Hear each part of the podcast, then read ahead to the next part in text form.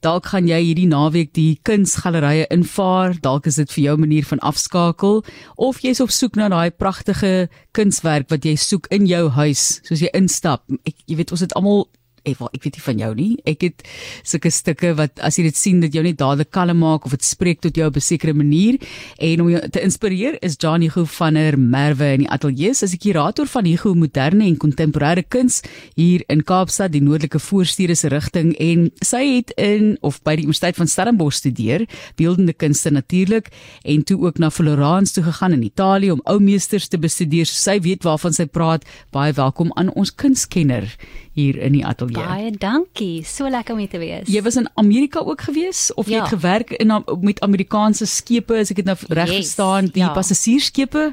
Passasierskepe. Koop mense kuns op 'n passasierskip. Ek gedink jy koop maar net 'n bietjie sent en 'n 'n hoed en so aan. of? Ja, jy kan dit ook koop.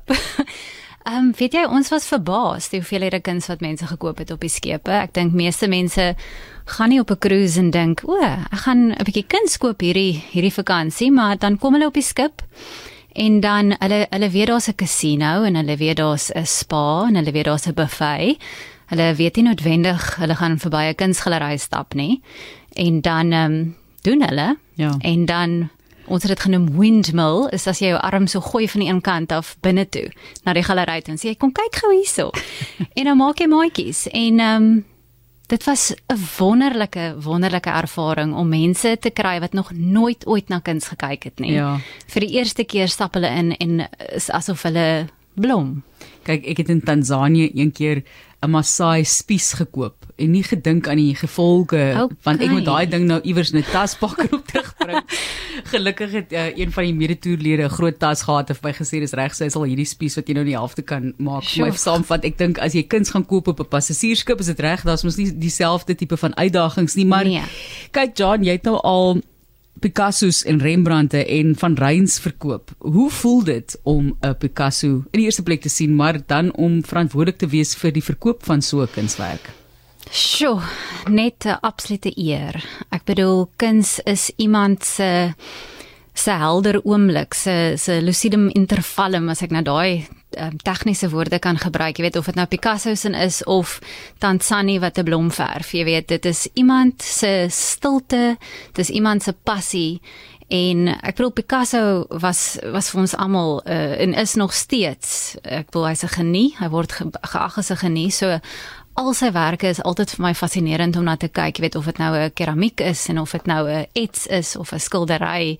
Hy het regtig dinge verander en mense se se idees ehm um, aangepas, jy weet in terme van wat ons dink van kuns en wat ons verwag van kuns. Wat het jou op hierdie kunspad gelei in jou lewe? Op watter ouderdom het jy besef dit is my rigting? Sjoe, ehm um, weet jy my ma Riet Hugo is 'n skryfster. Ehm um, sy sy's ook verskriklik kreatief. Ehm um, en sy het al van vroegs af vir my stories vertel en kuns, ek's 'n visuele mens, so kuns het net nog altyd vir my in visuele tale gepraat, kan ek nou maar sê. So van kleins af is dit net ek's definitief sterker visueel as wat ek met die taal is. Sy sy slaan my gereeld op my kneukels daaroor en ander mense ook. Ehm um, maar ja, kun, jy, jy weet net dis net soos jy weet jy's 'n kunstenaar. Ek weet ook ek, ek is 'n kunstenaar. Ehm um, ek maak self kuns alhoewel ek voel my eie kuns is amper meer soos terapie. Jy weet waar ek geniet amper meer om 'n hele spasie vol verskillende kunswerke te hê en dan mense te nooi om saam met my deur dit te werk. Jy weet storie vir storie, inspirasie vir inspirasie. Ehm um, kyk ons en luister ons en vier ons kultuur. Kom ons praat oor die relevantie van kuns midde moeilike tye. Ek sê altyd, jy weet, hier praat ons nou van kuns en iemand anders sukkel met ernstige sake in hulle lewe byvoorbeeld. Jy Ja. weet, en mense dink in die Suid-Afrikaanse konteks, watter rol speel kuns in mense se lewens wat dit belangrik maak om nog steeds relevant te hou en vir mense bloot te stel aan kuns Ja. wat outomate ook 'n manier is om jou gesond te maak van sekere van die uitdagings wat jy ervaar. Ja, absoluut. Kyk, dit ek sou sê dis amper een van my eerste redes hoekom ons teruggekom het uh, van oorsee af hiernatoe. Dit is dis na in my hart om vir mense te help om kuns te verstaan en waardeer, maar ook die maak daarvan. Ehm um, ons almal is bewus van hierdie hele nuwe wokeness en ook ehm um, jy weet die ons weet hoe hoe, hoe waardevol dit is om stil te raak. Nê, nee, en en meditasie en dit voel vir my dat kuns jy weet in in in enige vorm of dit nou 'n beeld is en of dit 'n optrede is en of dit 'n skildery is dit laat ons toe om 'n bietjie stil te raak en saam met van ons van onsself te kuier want 'n kunswerk kan vir enigiemand iets anders en dit is ek wil enige kunswerk kan vir twee mense iets heeltemal anders beteken want hulle sê mos jy sien nie wat dit is nie jy sien dit soos wat jy is. Ja. Ehm um, so en ek dink dit is wat kuns regtig so so waardevol maak vir die mens. Jy weet veral met alles wat aangaan. Dit is dis deel van eh, die die oerinstink van menswees en kyk na onsself. Letterlik, eintlik. As jy dink daaraan, kom ons praat bietjie voordat ons nou kom by jou uitstallings en jou fokus by Hugo Moderne en Kontemporêre Kunsgalery daar is soveel ander vlakke van kuns ook. Jy het byvoorbeeld al wynetikette in Kalifornië ontwerp byvoorbeeld. As ek dit nou reg ja. verstaan, jy beplan ook gallerye vir 'n wye verskeidenheid smake en voor voorkeure. So dis nie net jy met jou gallerij en jy het sekere uitstallings wat jy vir mense tentoonstel nie. Vertel ons 'n bietjie van die alternatiewe kan ek maar sê aktiwiteite rondom kids. Ja. Ag ek dink as jy die dag vir jou ouers sê, "Mamma, pappa, ek gaan ek wil beeldende kunste gaan swat."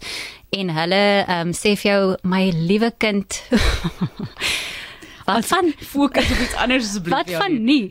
Ehm um, wat van eerder besigheid eerste? Ja. Ehm ja. um, en dan sê 16-jarige ek wat sê nee, ek gaan. So ek het ek het vinnig agtergekom om net te sit en skilder vir my persoonlik was nie genoeg nie. Ek wou betrokke en ek hou van besigheid ook. So ek wou betrokke word by verskillende markte met kuns en hoe mense kuns ehm um, interpreteer, interpreteer vir hulle self en in hulle lewens inneem. Dit was nog altyd vir my interessant geweest gewees en Dis natuurlik. Dis 'n natuurlike vloei van sake dat verskillende geleenthede sal dan oor jou pad kom. So ja, ek het in Kalifornië het ek vir een van die grootste wyn ehm um, goede uh, landgoedere Presqu'île ehm um, in Santa Maria ek doen hulle ek doen nou nog hulle labels wat baie baie nice is. Ehm um, Ja, maar ek het ook al in NFTs ek het ja. al daarmee te doen gehad. Ek het al te doen gehad met ek doen nou heelwat limited editions. Ek help vir kunstenaars, jy weet wat nie regtig want ek ek glo ook dat 'n kunstenaar moet baie tyd spandeer om kuns te maak op 'n of ander dag. Dit is moeilik om te probeer 'n uh, handelaar wees en jy weet jouself te bemark. Dit is baie moeilik.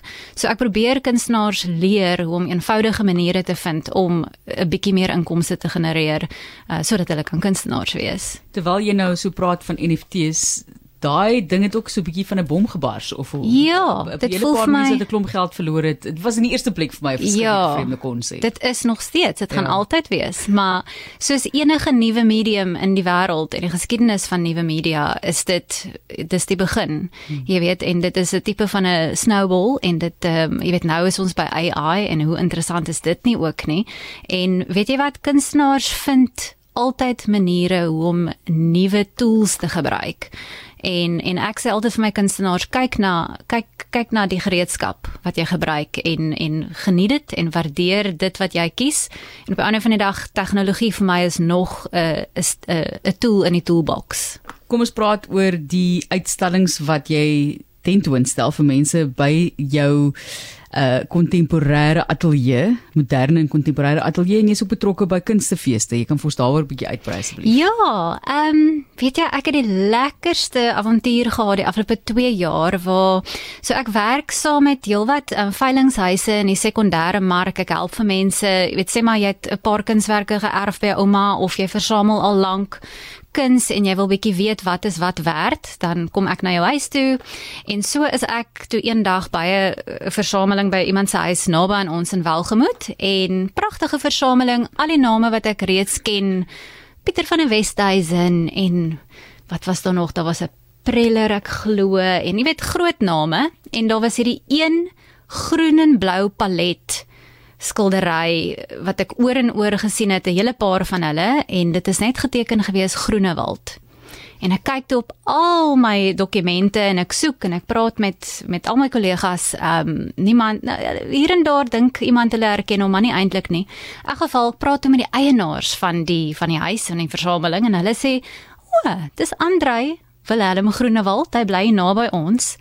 Ehm um, hy lewe nog. Hy's in sy 80s en hy skilder nog steeds. En ek tog Eureka, dit is dit klink nou absoluut soos 'n soos 'n goeie uitvindsel. Ek uh, ek raak te skoon opgewonde. Ek bel hom dadelik en so het 'n wonderlike vriendskap tussen my en hierdie ou oom geblom en ek het seker ja, twee tussen 2 en 300 skilderye in sy huis gesien.